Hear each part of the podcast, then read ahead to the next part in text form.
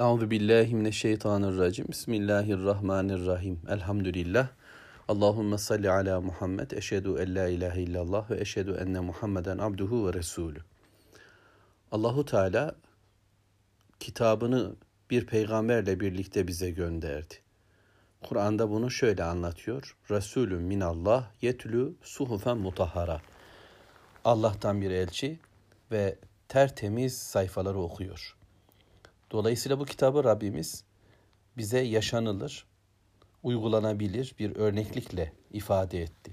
İnsanlar geldiği günlerde, geldiği coğrafyada bu kitabın ayetlerini çok iyi anladılar. Düşman olanlar bile bile anlaya anlaya düşman oldu. Dost olup onun peşi sıra yürüyenler bile bile anlayarak dost oldular, iman ettiler.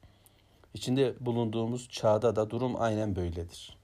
Allahu Teala bu kelamını bize okuyor ve okuması devam ediyor. Resul Aleyhisselam vefat etmiştir.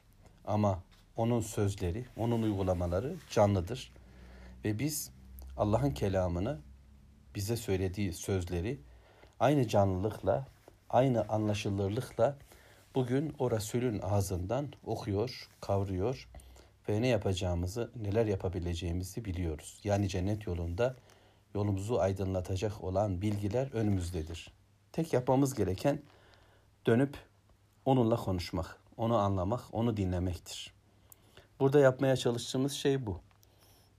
Allahu Teala'nın kitabındaki surelerden birisini alıyoruz.